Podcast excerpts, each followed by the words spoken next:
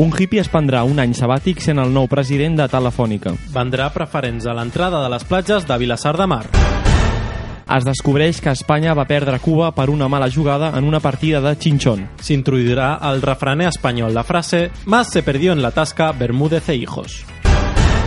Un adolescent de Burgos, l'home més ràpid del món en tancar l'ordinador amb porno quan entra algú a l'habitació. La seva mare, guanyadora del Nobel a la millor actriu per fer creure que no ha vist res. Un fan de Joc de Trons s'insulta a si mateix per fer-se spoilers llegint els llibres. Demandarà George R.R. Martin si mor abans d'acabar la saga. La NASA anuncia que la teva mare dirigirà el projecte Nen, no corris per entrenar pilots. També dissenyarà la primera nau espacial que no podrà anar a més de 50. Fan falta més graduats espanyols per treballar de cambrer a Alemanya aquest estiu. La Xina prepara un nou enviament de cuiners de menjar gallec a Espanya.